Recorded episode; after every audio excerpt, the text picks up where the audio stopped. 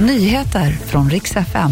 Mm, mötet pågår i Turkiet och idag kan det bli omröstning om svenskt NATO-medlemskap. Och det ska handla om förföljelser och trakasserier som återigen drabbat artisten Taylor Swift.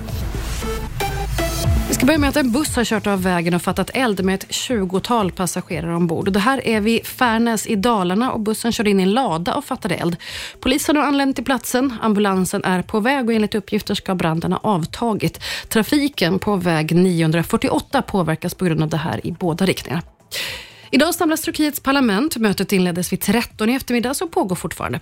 Svårt att säga hur lång tid debatten och besluten tar under dagen, men det kan alltså vara så att de hinner med omröstningen om Sveriges NATO-medlemskap redan idag. Och Gör de inte det så återupptas mötet imorgon vid lunchtid. En stalker har förföljt Taylor Swift har nu gripits. Och det här är en man i 33-årsåldern som är gripen vid hennes bostad i New York.